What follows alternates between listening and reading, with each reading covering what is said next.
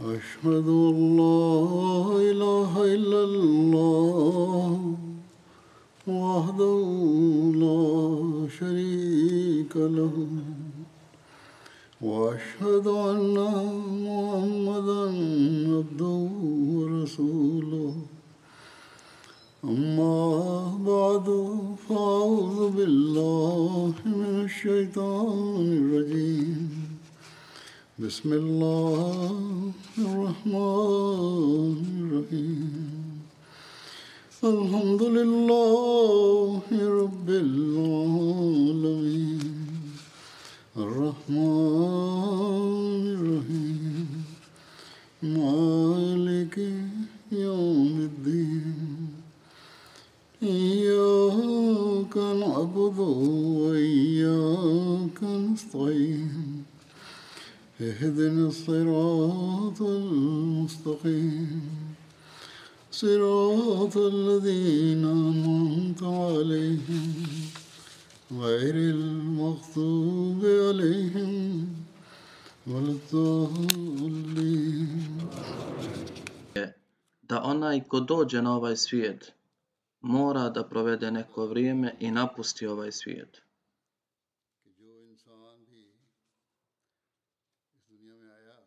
Ali sretni su oni koji ostave iza sebe samo dobra sjećanja, koji su bili u korist čovječanstvu, koji su praktični uzori davanju prednosti vjerin iznad svijeta, koji nastoje slijediti Allahove naredbe i naredbe njegovog poslanika i koji nastoje ispuniti zakletvu vjernosti obećanom Mesiju alaihi.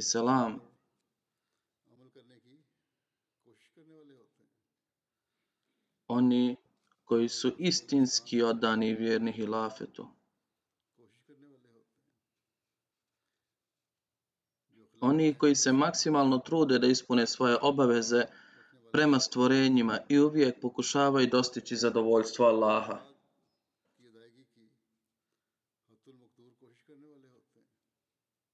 I takvi se spominju lijepim riječima i zato prema riječima časnog poslanika sallallahu alejhi ve sellem dženet će biti konačno odredište za njih.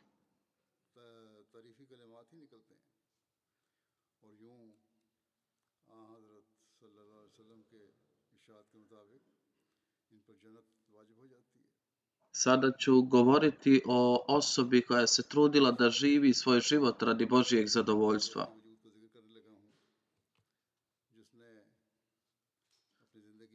Govorit ću o poštovanoj gospođi Amtul Kudsija koja je bila kćerka Hazreti dr. Mir Mohameda Ismaila i supruga Sahib Zade Mirza Vasim Ahmad Sahiba. I ona je bila snaha drugom halifi.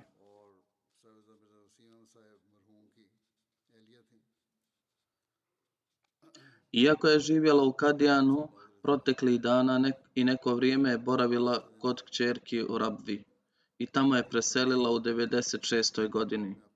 Inna lillahi ve ilaihi rađiun. Allahovo milošću bila je Musi i davala je jednu devetinu. Navešću neke događaje iz njenog života.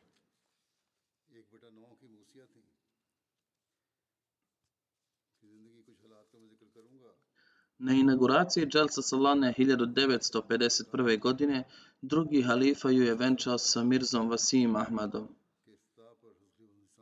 I rekao je da zbog određenih okolnosti najavit ću samo dva vjenčanja prije zvaničnog otvaranja Dželse. Jedno je bilo njeno, a drugo je bilo čerke drugog halife. Uzor je rekao ja ću samo sklopiti dva braka jer ako bi najavio prije oko najave vjenčanja, onda bi bilo puno zahtjeva. I u tom slučaju trebalo bi dosta vremena za najavu i to bi utjecalo na program govora dželse. Uglavnom, prilikom te dželse halifa je sklopio dva vjenčanja.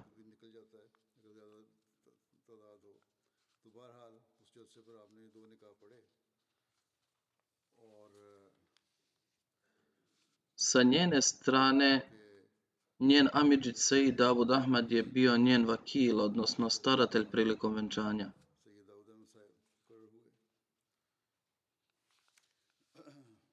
Hazreti Halifat al-Mesih drugi je rekao, obično moje čerke se udaju za vakfe zindagije.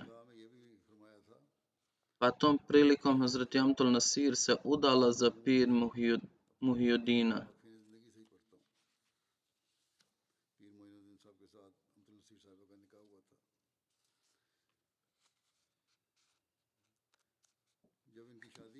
Kada se ona udala, drugi halifa nije bio među svatovima sa svojim sinom, nego po zahtjevu supruge Hazreti dr. Mir Muhammed Ismaila radijallahu anha, prilikom svadbe on je dočekao svatove. Allah je počastio sa tri kćeri i jednim sinom.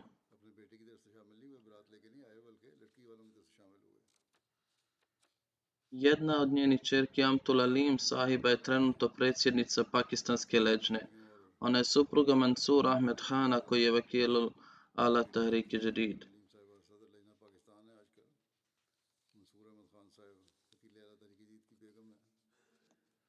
Još jedna čerka je udata za kapetana Majid sahiba, a treća čerka je udata za doktor Ibrahim Unib sahiba.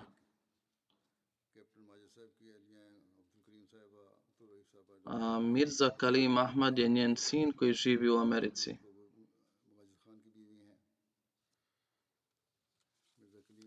Jednom prilikom je Hazreti Muslim Maud radijallahu anhu rekao Mirzi Vasim Ahmad sahibu dok je dolazio na svoje vjenčanje, tek je bio oženje nekoliko dana i pripremao je papire za svoju suprugu da je povede sa sobom. I kao što znamo, tada je odnos između Indije i Pakistana uvijek bio nepredvidiv. Tih dana je nastala tolika tenzija da mu je Hazreti Muslih Maud radijallahu anhu rekao da odgodi papirologiju i da je ostavi i pothitno neka se vrati u Kadijan jer tamo mora biti član porodice obećanog Mesija alaihi salam. Stoga neka odmah rezerviše kartu jer njegov odlazak je bio jako važan pa zato, ako nema redovnih linija leta, onda neka uzme čarter let.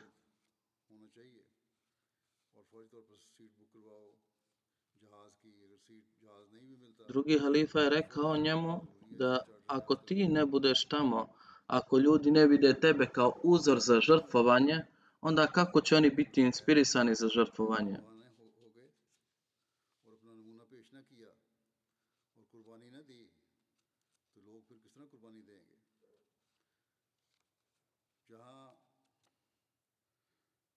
Ovo samo nije bilo žrtvovanje Hazreti Mirze Vasim Ahmad sahiba, nego također je bilo žrtvovanje i Amtul Kudus sahibe, njegove supruge.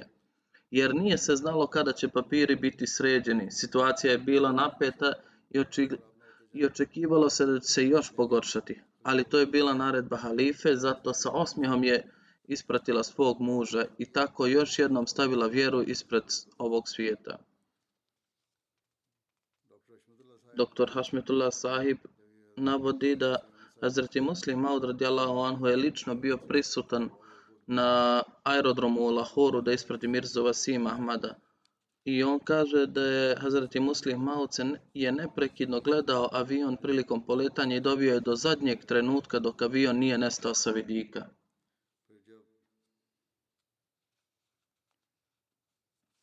Ona kaže da tek nakon godinu dana braka njeni papiri su bili gotovi pa je krenula za Kadijan. Ovom prilikom Hazreti Muslih Maud radijallahu anhu je skrenuo posebnu pažnju da ona tamo treba da boravi u kući majke Nasira jer u toj kući Hazreti obećani Mesija alaih salam je mnogo puta koračio, čak i održao ders, odnosno predavanje u dvorištu te kuće.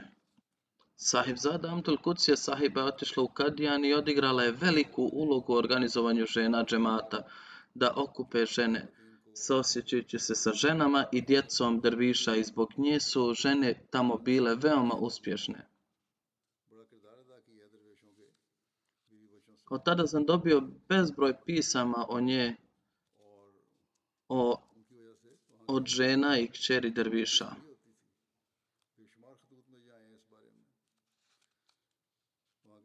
Po dolasku u London, četvrti halifa je održao svoju prvu hudbu 4. maja 1984.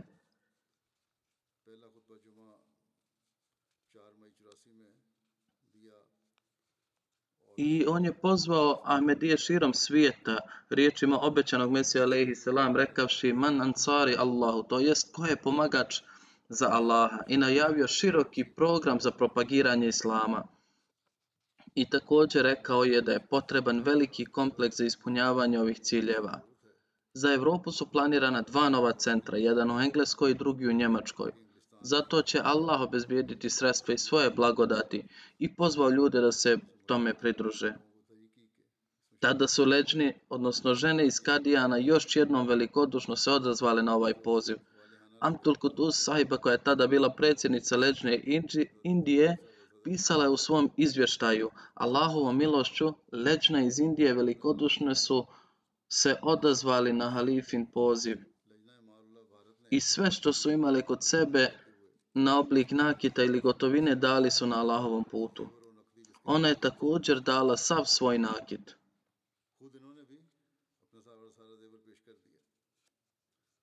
Ispred leđne Indije četvrtom halifi prvo su poslate obećanje od žena iz Kadijana. O tome je Hazret Jalifatul Mesih četvrti u svojoj hudbi u petak 10. avgusta 84. go- godine pomenuo leđne iz Kadijana i rekao Dobio sam izveštaj o leđni iz Kadijana što sam bio očekivao jer na početku Tahriki Džadida žene iz Kadijana su položile izvanredno žrtvovanje. Premda je sada tamo ostalo jako malo žena, bez obzira koliko ih ima, čekao sam da se informišem o njima, jer one imaju pravo da nastave na polju žrtvovanja i da uzdižu ime Kadijan koliko je bilo uzdignuto prije. Pa alhamdulillah primio sam njihov izveštaj. Predsjednica Indije Lečne piše da je meni poslat izveštaj o obećanu Lečne i Nasirata Kadijana 16. jula. Ona je pisala da je Huzurova hudba iz, izazvala čežnju među ženama ovdje i da sa Allahovom milošću ponedul, ponudile su sve što su imale, ali i dalje nisu zadovoljne svojim žrtvovanjem. Sada postoji tako snažna čežnja da ako bi imale još to, sve bi dale na Allahovom putu. Ovo je bilo pismo gospođe Amtul Kudsije za četvrtog halifu. 91. godine kada je Hazreti četvrti halifa posjetio Indiju, odnosno Kadijan, rekao je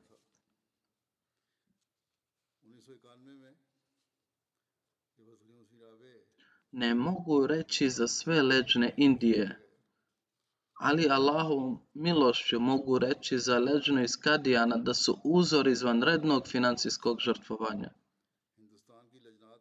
Džemat Kadijan je veoma siromašan džemat, ali uvijek sam vidio da kad god se poziva ka financijskom žrtvovanju, žene i djevojke odozivaju se sa takvom željom i entuzijazmom da ponekad moje srce želi da ih zaustavi jer nisu toliko imućni i rado se počnem brinuti o njima. Ali također znam da onaj za koga one su se žrtvovale zna da ih višestruko nagradi. Isti Allah će ispuniti njihovu budućnost vjerom i ovo svjetskim bogatstvom svojom milošću.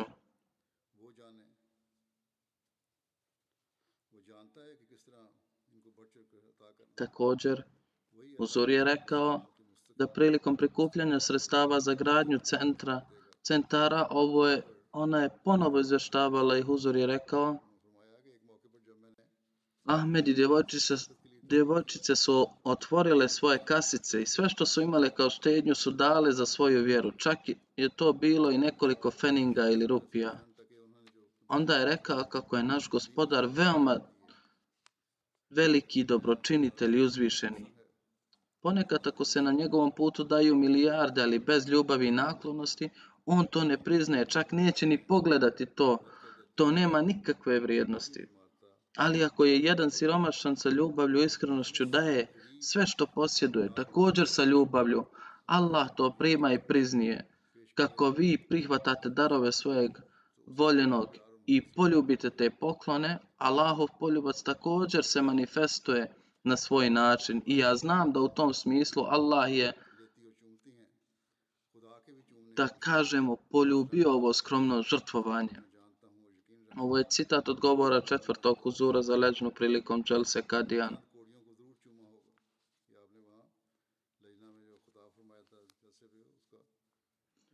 Kada je kada ju je Hazreti Muslih Maud poslao u Kadijan, također ju je savjetovao da se okupe leđni.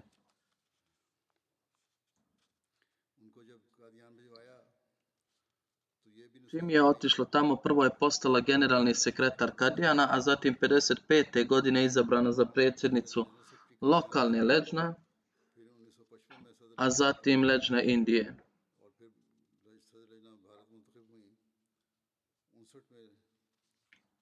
Hiljadu 1959. neka druga žena je bila izabrana kao lokalna predsjednica za Kadijan, a ona je nastavila svoj rad kao predsjednica Indije.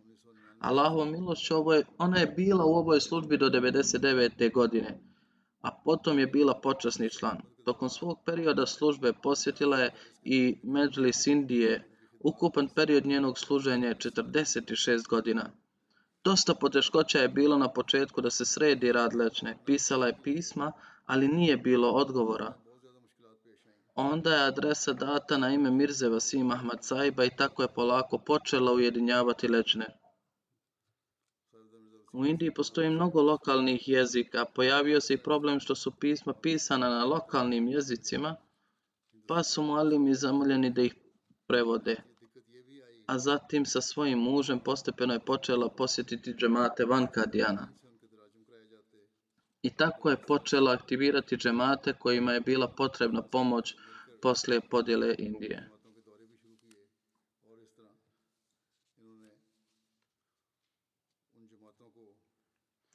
Njena čerka Amtul Alim piše da je za vrijeme četvrtog kalife ona bila organizovala ekipu koja je napravila sažetak pisama za dove primljenih iz Indije i da su sažeci bili poslani halifi. Uzur je bio izrazio veliko zadovoljstvo zbog toga. Uvijek je bila u službi časnog Kur'ana. Podučavala je Kur'an više od 250 de- djevojaka iz Kadijana. Učenice su u grupama dolazile rano ujutru, a zatim su dolazile i poslije podne. U Indiji su djevojke koje su završavale FA ili FAC ostajale u Kadijanu tri mjeseca tokom pauze od studija. Njena čerka nastavlja i kaže da im je njena majka držala časove prijevoda Korana ujutru, popodne i uveče. Organizacija Leđna bila je ponovo aktivirana pod njenim vodstvom. Velikim naporima naučila ih je posao. Podučavala ih je povezanosti sa halifom preko konkretnih primjera, pa su se ispominjali. Tako je ojačala vezu djevojaka i žena sa halifatom. Imala je vrlinu gostoprinstva. Njena čirka kaže da je uvijek podržavala našeg oca. Uslovi su bili veoma loši. Češće za ručak bi imali samo leće, a naš otac je držao kravu za mlijeko i jogurt. Ako bi došao gost, šta god je bilo za jelo, šta god je bilo skuvano, ona bi bez ikakvog oklijevanja poslužila. Poslužila bi sok ili čaj gostima u skladu sa vremenom. Kasnije, kada je došlo do olakšanja, ona je u skladu sa mogućnostima poslužila goste i ljudi su osjećali kod nje kao da su u svojoj kući. Ona je bila dobra supruga svome mužu. U teškim trenucima uvijek je dala podršku svom mužu. Nikada nije bila zahtjevna. Bila je zadovoljna i sretna šta god da je dobila od strane svog muža.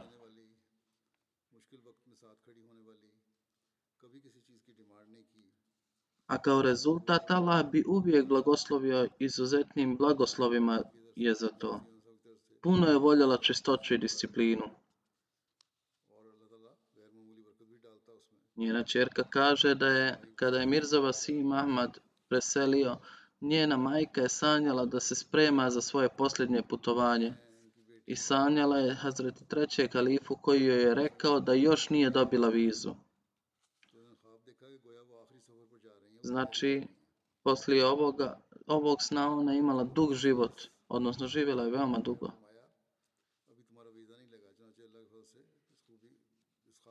2007. godine kada se Mirza Vasim Ahmad razbolio, Allah ga je izliječio. Nakon izliječenja napravio je program posjete džematima u Hyderabadu i poveo je svoju suprugu sa sobom.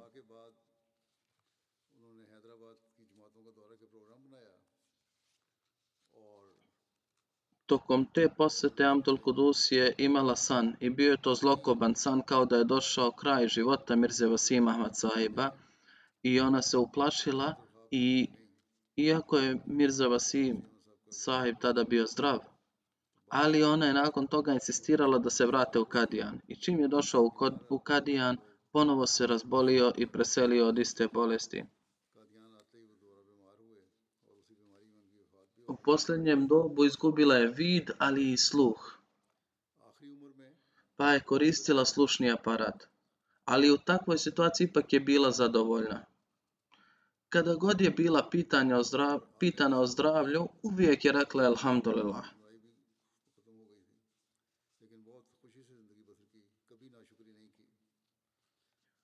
Prilikom prekupljanja sredstava za centar sve što je imala od nakita dala je za tu svrhu, kao što sam ranije spomenuo.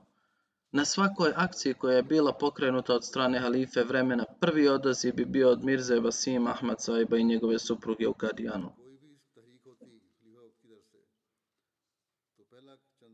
Njena čerka kaže da ako bismo pogrešili učenju časnog Kur'ana i naša majka je bila u drugoj prostoriji, ona bi nas odatle ispravila.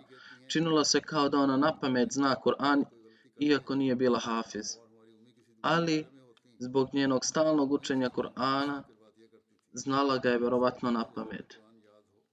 Kada bi Mirza Vasim Ahmad sahib išao na itikaf, ona bi pripremila hranu ne samo za njega, nego već i za druge siromašne osobe koje su zajedno bile u itikafu sa njim. Slično ona je slala hranu dječacima u domu, ali i mualimima. Na isti način njena bolest je nekada Nikad, njena bolest je nikada nije mogla spriječiti da posjeti ljude u njihovoj radosti, ali i žalosti. U Kadijanu je bilo ljudi različitih klasa, pa je ona podučavala te djevojke šivenju i pripremala ih za vjenčanje. Razvijala je kulturu zajedničkog života među njima. U Rabvi 2005. godine Ležna je izgradila Saraj Masrur, što je lijepa velika zgrada. Tako da umjesto da donira u svoje ime, u ime svog muža je dala donaciju od 100.000 rupija.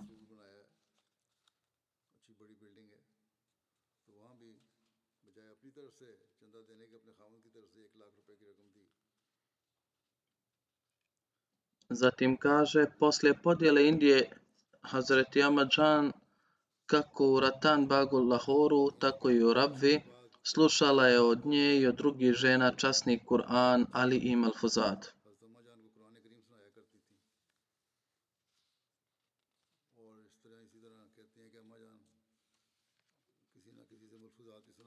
Njena mlađa čerka Amtul Reuf kaže da je Šađi boravio u Bejtur Rijazet, a gospodin Itardin u sobi sa crvenim mrljama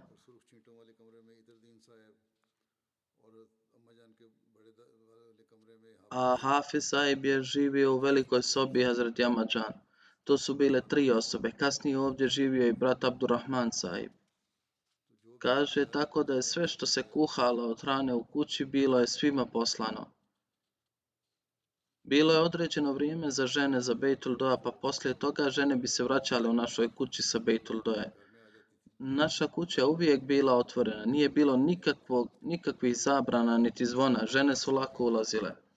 Zatim kaže, nakon smrti Hasreti Mirce Vasim Ahmada, gospodin Inam Gori je postao Nazri Allah. Majka je pokazala savršenu poslušnost i uvijek na propisan način bi podnijela zatev za svaki posao. Izmjerila je članarinu za vasijet i procjenat nekretnine tokom svog života. Također je bila među prvim učesnicima u Tahriki Džarid Šemi. Savjetovala je svojim čerkama da one brinu za svoju djecu, da obavljaju namaz na određeno vrijeme jer prva stvar za koju ćete biti upitani to je namaz. Ako to bude u redu, onda će sve biti lakše. Zatim kaže da je ona odgajala nekoliko djevojčica. Ne samo da ih je odgajala jako dobro, nego ih je naučila čitati Kur'an sa prijevodom, ali ih i udavala.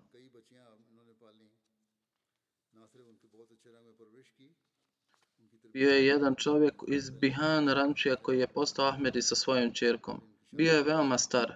Doveo je čerku moje majci i tražio od nje da je zadrži kod sebe i rekao da ne zna koliko će živjeti i imao je straha da poslije njega je ne ubije brat. U to vrijeme ta djevojka je imala oko 25 godina. Iako nije znala jezik i bila je nepismena, moja majka je naučila da čita Kur'an sa prijevodom i kasnije je i udala. Tokom derviške ere ekonomski uslovi su bili loši. Ako bi se derviška čerka udala, ona bi joj dala svoj nakit i rekla da ga nosi koliko god hoće, a onda bi ga vratila i tako i dala i dalje prilikom ženitbe druge osobe. Na ovaj način su mnoge djevojke iskoristile njen nakid, jer uslovi u kojima su bili drviši nisu bili tako dobri u ranim danima drviša. Ali kasnije kada su njihova djeca otišla u inostranstvo i počeli su zarađivati više novca i tako su mogli nešto štediti, ali tu štednju ne bi smjeli čuvati u svojim kućama jer se smatralo nesigurnim. Stoga ljudi bi svoju štednju ostavljali kod nje.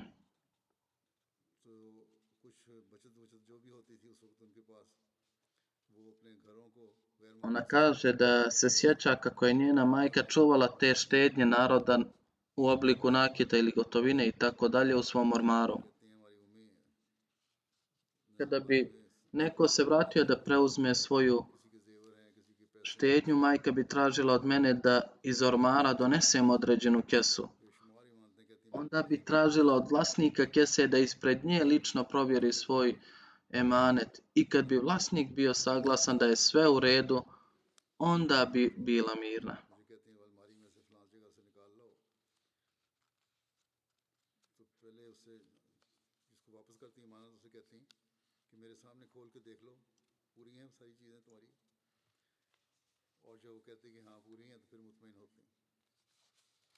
Svi drviši su bili iz dobrih porodica, ali kako god, tada je bilo vrijeme siromaštva. Ona bi se potrudila oko toga da čerke od derviša, ako ne nastavljaju obrazovanje poslije osnovne škole, onda bi ih pozvala da volontiraju u kancelariju leđne kako ne bi gubile svoje vrijeme dok se ne udaju.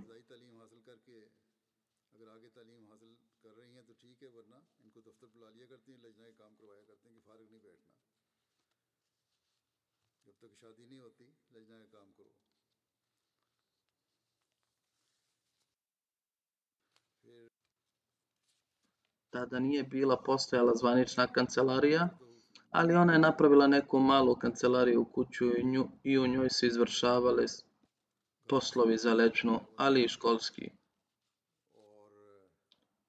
Stalno je bila gužva u našoj kući. Ali ona je rado obavljala sve poslove. Djevojke koje su dolazile na posao, ona bi ih uvijek počastila u vrijeme ručka ona bi im servirala ručak ili bi ih počastila čajem. Na isti način ona je učila te djevojke kako da postave stolove za ručak i tako dalje i rekla bi im da danas naučite da ne bi morale podnijeti sramotu nakon udaje. Toliko je bilo brige za njih i mnoge djevojke kad su se udale u dobrim porodicama nisu imale nikakvih problema zbog njenog odgoja. Mnoge žene su se spominja, su pisale da su, da su odgojene kod nje i zato se nikada nismo suočile sa poteškoćama u prilagođavanju sa porodicom.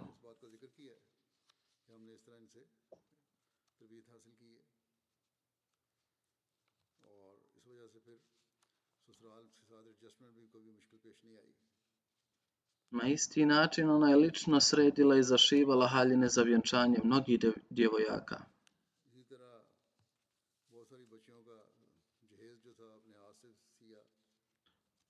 Lično bi posjetila udovice derviša na dan Bajrama i dala bi im bajramske poklone. Mirza Vasim Ahmad Saib isto bi bio sa njom prilikom te posjede, a ponekad ona bi išla i sama. Jednom neko je pred njom spomenuo da je ta neka osoba sagradila veliku luksuznu kuću u Rabi, pa je njena čirka kaže da je na to moja majka odgovorila sljedećim riječima – Allahu moj, za mene je dovoljno što si me počastio sa ovom blagoslovljenom kućom, to jest dobila sam priliku da živim ovdje u Kadijanu i došla sam ovdje kao snaha drugom halifi. Ovo je mnogo za mene. Naravno da želim da me počastiš ogromnom kućom u dženetu. Ovo je zapravo vrlina vjernika i ravnodušnost prema stvarima ovog svijeta. Ona navodi da je ona voljela čistoću od djetinstva, zato kaže da je Hazreti Mir Mohamed Ismail sahib, on nikome nije dozvoljavao da čisti njegovu sobu osim njoj, jer ona je nakon čišćenja vratila sve stvari, to je knjige, papire na svom mjestu. I zato je Mir Saib rekao da osim Amtul Kudus nikome nije dozvoljeno da uđe u moju sobu.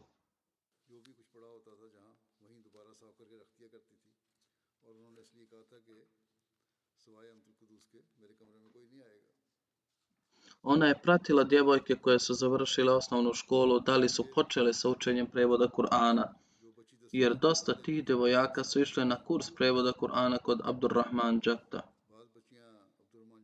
Njena ka čerka kaže da djevojke koje su završile osnovnu školu došle bi kod moje majke na kurs prevoda Kur'ana. U isto vrijeme je vodila kurs prevoda Kur'ana sa tri različite grupe – i za tri godine te grupe bi naučile prevod cijelog Kur'ana. Uz to dodatno ih je podučavala i gramatiku.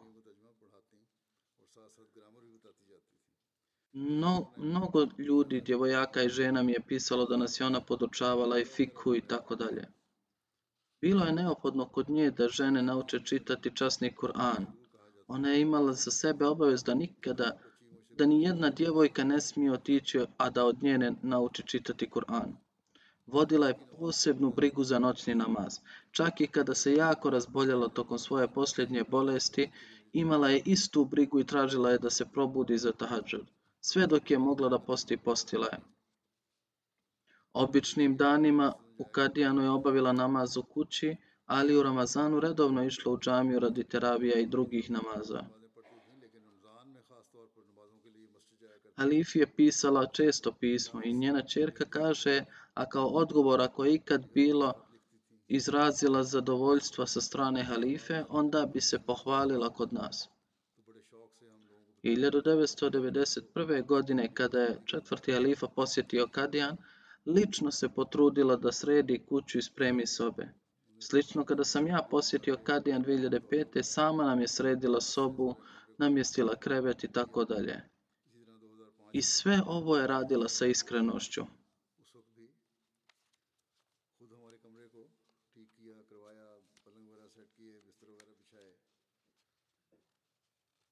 I pored toga što sam insistirao da naša kuhinja bude odvojena, ona je ipak bila za to da dnevno makar jedan obrok bude od nje. I zaista redovno sa velikom pažnjom je pripremala taj obrok.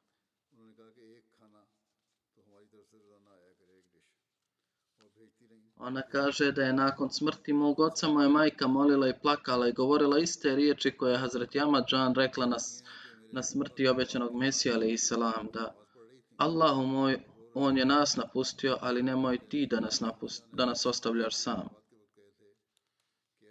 Ona kaže da je čvrsto ubjeđena ka tome da ta dova je bila prihvaćena, jer sve njene sestre su dobile Multivizu jer posle udaje one su otišle u Kadijan i mogle su posjetiti svoju majku i zbog toga njena majka nije osjetila samoću.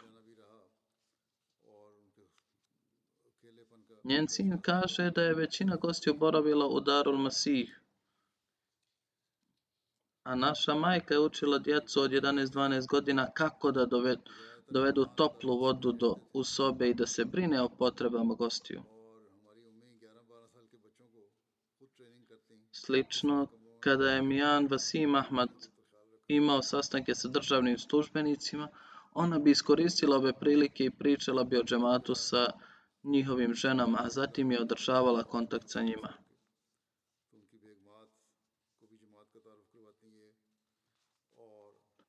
Santam Singh Bajwa je tamo bio istaknuti političar. Preselio se iz Pakistana u Indiju nakon podjele. Njegov, njegov sin Pardab Singh Bajwa je član parlamenta.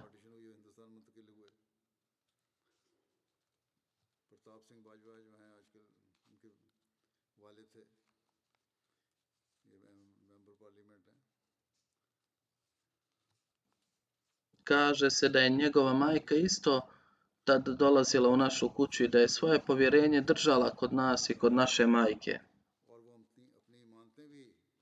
Kada se vratila da preuzme nešto što je dala u povjerenje, ta žena je pitala, jesi li otvorila i vidjela kesu? Znači, pitala Amtul Kudus, a ona je rekla, to je tvoje povjerenje, kako da ga otvorim? Sada ti provjeri je li sve u redu.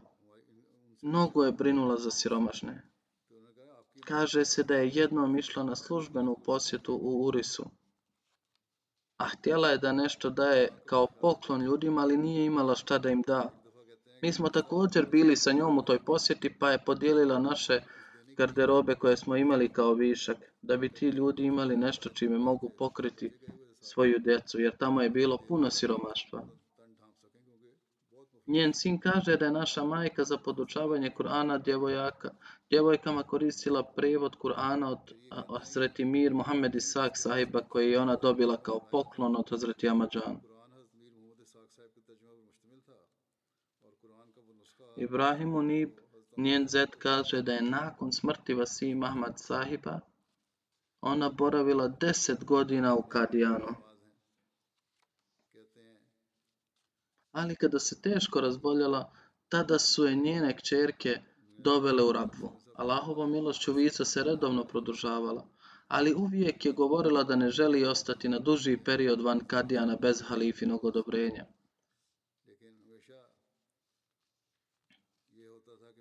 govorila je ne bih ostala ovdje više od nekoliko mjeseci.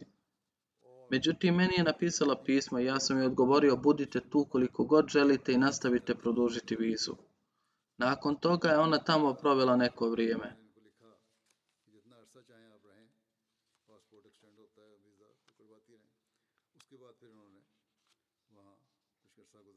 Prilikom odlaska u Kakadijanu, Hazreti Muslih Maudio je rekao, pošto su stanovnici Hindu pijace ružno se opodili prema obećanom Mesija alaih salam, ne idi tamo radi kupovine. Ona je toliko poštovala ovu naredbu halife da kasnije kada situacija promijenila i ti ljudi su promijenili svoje ponašanje, Prilikom dželse Ahmedi i članovi porodice Azret obećanog Mesija salam su također počeli posjetiti tu pijacu. Ali ona i dalje oko 70 godina nikad nije išla tamo nego svoju kupovinu je obavljala u Amristaru. Ibrahim Unib kaže da je jednom prilikom da su se lokalni stanovnici Kadijana snažno suprotstavili Ahmedija džematu. I ovaj incident nije u potpunosti napisan.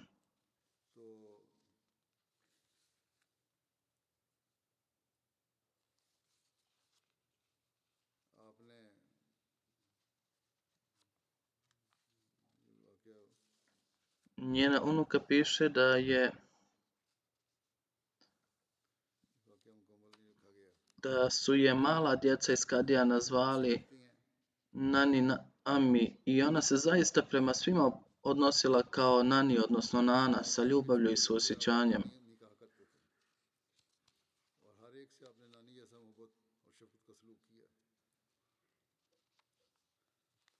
Njena unuka također piše da se jednom odmarala zbog slabog zdravlja.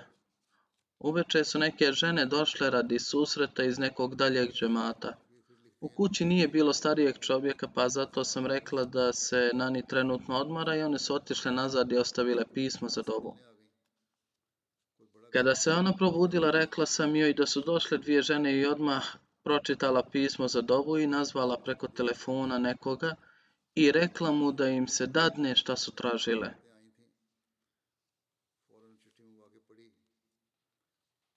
Onda se obratila meni i rekla je, Ljudi su dolazili kod tvog djeda sa dalekih mjesta i on ih je uvijek primio i dočekao kako treba. Zato primaj goste sa poštovanjem. A zašto nisi me obavijestila? Ona kaže, nije način od odgoja mi se toliko dopao da do danas ja to pamtim. Njen unuk Said Hašir, koji je student u džamija Kanada kaže, ja sam je zamolio pošto se spremam da budem imam da mi da neki savjet. Ona je na to rekla već ima savjeta od halife pa zato više nema potrebe za to. Samo treba pažljivo slušati njegove riječi i provesti ih u djelo. Također istakla da uvijek treba proučiti dovu Rabbi kulli šein hamiduka Rabbi fahfizni warhamni.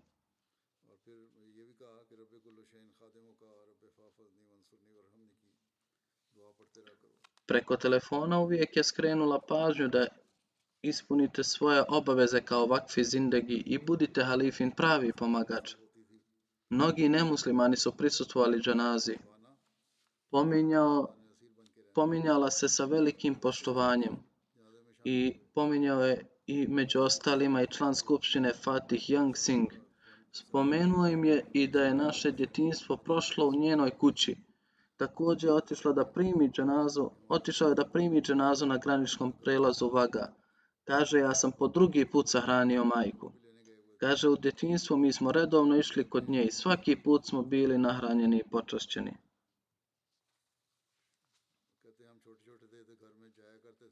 Mala, jedna od njenih unuka, kaže da ona nam je bila primjer u ljubavi i poslušnosti halifatu. Kaže da sam od njene smrti dobila stotine poziva saučešća i da su je svi lijepim riječima spominjali.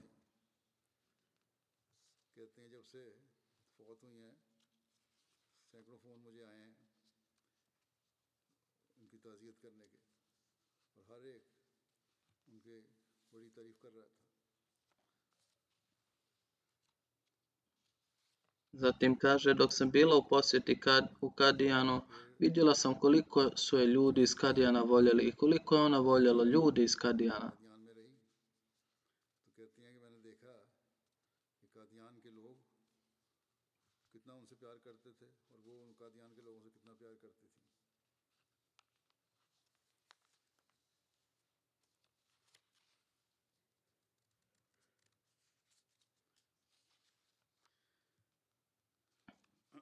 Slično ona kaže da mi je pisala u 2000 da u 2008. godini trebao sam posjetiti Kadijana, ali to se nije desilo zbog, i zbog situacije morao sam se vratiti iz Delhija. I zato je bila tužna jer se bojala da li će biti više susreta sa mnom ili ne. Abid Khan, suprug od njene unuke ka, koji živi ovdje, kaže da, da nas je svojim primjerom naučila kako čovjek treba da ispuni svoju misiju. Inače je bila jako ljubazna osoba mehkog srca, ali samo jednom sam je vidio glasno i bijesno da govori. Bila je svadba jedne djevojke iz Kadijana, pa se toga dana ona razboljela. Imala je glabovolju, pa ju je unuka, vidjevši bolest, rekla Nemoj ići na svadbu, odmori se danas i reci ljudima da si bolesna. Međutim, na to je ona odgovorila mala, ja ću svakako ići na svadbu. Ti ne znaš koliko sam vezana sa ljudima iz Kadijana.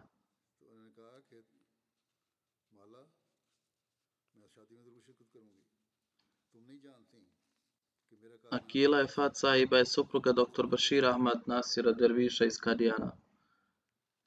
Ona kaže da ispred organizacije Leđna i Nasirata uvijek je uputila žene i kćeri Derviša. Bila je vješta u rješavanju administrativnih stvari. Moglo se osjetiti njena ljubav, naklonost, podrška, čast i poštovanje tokom rada sa njom. Ona je bila njena, ovo je bila njena želja da sav posao i odgovornosti treba prenijeti na sljedeću generaciju. Bila je sama pouzdana i složna os- složena osoba. Znala je završiti svoj posao na jako fin način. Naučilo nas je časni Kur'an s prijevodom, ali i fiku.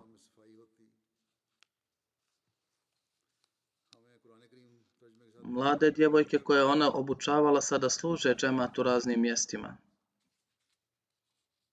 Slično Bušra Mubarika sahiba je iz Hajdrabada. Ona kaže, mi smo sa njom bili u bliskim porodičnim odnostima. U danima Dželse znala je ostati do ponoći da se brine o rani i piću i odmoru gostiju. I ona je govorila da, su, ovi, da ovi gosti nisu naši, nego oni su gosti obećanog Mesija, ale salam. Zato o njima trebamo brinuti. Gledala bi na svaku sitnicu. Slično Sađda Tanvir sahiba supruga Halida Ladina kaže da ona je bila majka za članice leđne iz Indije. Kao što majka svoje djece uči svim načinima života držeći je za prst, također Azreti Apađan je prinula za naš odgoj i obrazovanje. Stoga mi i naša buduća generacija ćemo biti zahvalne prema njoj. Primio sam mnogo pisama od žena iz Kadijana, kao i od svih žena koje su imale bilo kakav kontakt sa njom.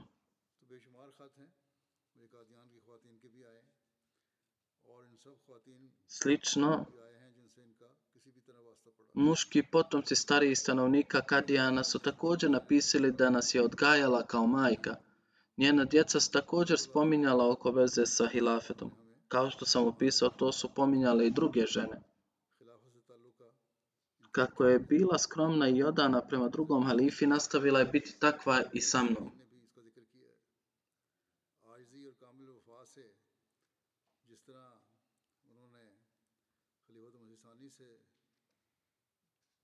Kako je, kako je bila skromna i odana prema drugom halifi, nastavila je biti takva i sa mnom. Ovo je jedan uzor. Ovdje isto se srela sa mnom s velikom ljubavlju i poš- ljubaznošću i poštovanjem. 2005. kada sam išao u Kadijanta, da sam išao sa velikom pažnjom i brigom me je ugostila. Na svakom susretu sa mnom bila bi jako sretna što se vidjelo na njenom licu.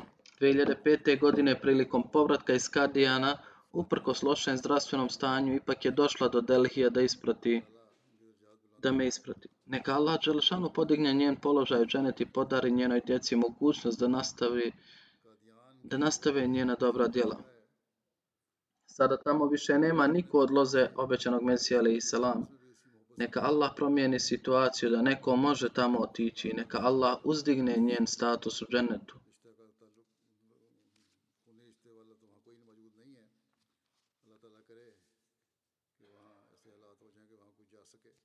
Ima još jedna dženaza. Uzor pita je li dženaza stigla ovdje. To je Muhammed Arshad Ahmed Sahib iz, iz Velike Britanije preselio je nedavno u dobi od 71 godine i lillahi ve ilahi. On je sin od Jusuf Ahmedi, sahiba i on je dao bajat obećano Mesiju selam u Nairobiju. On je bio sin ili unuk od Jusuf Ahmedi sahiba koji je dao bajat. I on je bio od njegove loze. Došao u Veliku Britaniju iz Nairobija u dobi od, 50, od 15 godina. Bio je sa Amtul Bashir sahibom, kćerkom Hazreti Halife Salahudina sahiba i unukom Hazreti doktor Halife Rashidin sahiba, koji je bio sahabi obećanog Mesija salam Allahovo milošću bio je Musi. Pored supruge, iza njega su ostali sin i čerka. Imao je čvrst odnos sa džematom. Gdje god je boravio, nastavio je služiti džematu u različitim svojstvima. U Hudamu Ahmedije je također nastavio raditi kao mahtamim. Više od 20 godina je služio kao sekretar za publikacije džemata Britanije. Bio je obrazovana osoba kada je Salman Rushdie napisao bogohulnu knjigu protiv časnog poslanika, salallahu alaihi veselem, uspio napisati knjigu da opovrgne u svjetlo uputstva četvrtog kalife. Bio je veoma redovan u namazu sa džematom. Otkad sam se preselio ovdje, on je također našao smještaj blizu Islamabada kako bi mogao dolaziti na namaz. Imao je vezu ljubavi prema časnom poslaniku, salallahu alaihi veselem i obećanom Mesiji, sa svim svojim bićem. Bio je redovno učio časni Kur'an. Rahmetlija je također volio činiti tablig. Slično tome bio je redovan u plaćanju članarine. Bio je ljubazan, prijatan i iskren čovjek sa dubokom odanošću halifatu. Jedno, četvrti halifa jednom prilikom je rekao za njega, uvijek sam vidio da je Aršad Ahmed i Sahib od takvih rijetkih ljudi koji su potpuno poslušni halifatu. Šta god da sam mu rekao, on je odmah to poslušao i sa ove tačke gledišta ja cijenim njega i njegovu porodicu. A u stvari ta poslušnost prema halifatu se i dalje nastavila. Ja sam ga također primijetio kako je skroman i odan halifatu. Uvijek je težio ka časti i plemenitosti džemata. Neka uzvišeni Allah se opodi sa milošću i oprostom i nastavi njegova dobra djela u njegovoj djeci. Ima jednog sina koji je vakfi zindagi. Ima još jedna džanaza. Ahmad Jamal Saib, afroamerikanac koji je živio u Sjedinjenim državama, umro je nedavno u 92. godini.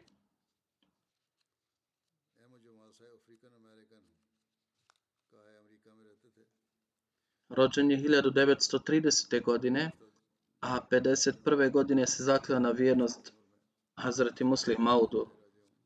Tokom 1950. i 60. Rametlija je nudio da donira novac za Mesjid Sidik u Čikagu. Bio je veoma skroman čovjek, bio je odan prema džematu i halifatu. Kako bi mogao pratiti MTA, prvo je imao, prvi je imao satelitski kanal u kući i kasnije također imao internet priključak radi MTA.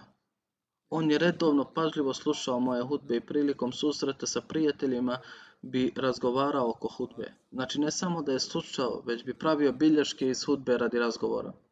Rahmetlija je živao na udaljenosti od 9 milja od džamije, ali je i pored godina i lošeg zdravlja redovno bio na džuma namazu. Redovno je davao članarinu, nikada ga nisu morali podsjećati. Aktivno je učestvovao u drugim financijskim projektima. On ima čerku, ali ona nije član džemata. Neka mu Allah podari oprost i milost i neka mu doba bude primljena i za njegovu čerku. Neka se i njoj pruži prilika da prihvati Ahmedijat. Posle namaza ću jednu dženazu koja je prisutna i još dvije koje nisu prisutne.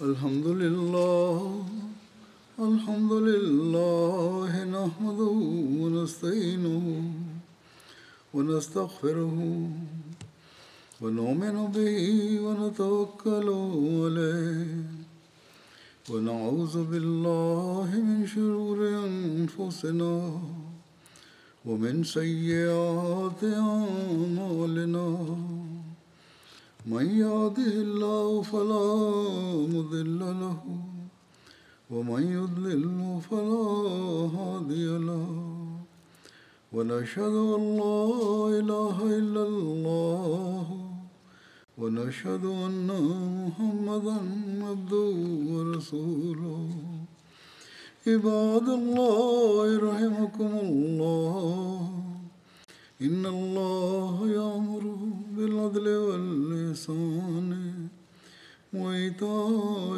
ذي القربى وينهى عن الفحشاء والمنكر والبغي يعظكم لعلكم تذكرون اذكروا الله يذكركم ودوه يستجب لكم ولذكر الله أكبر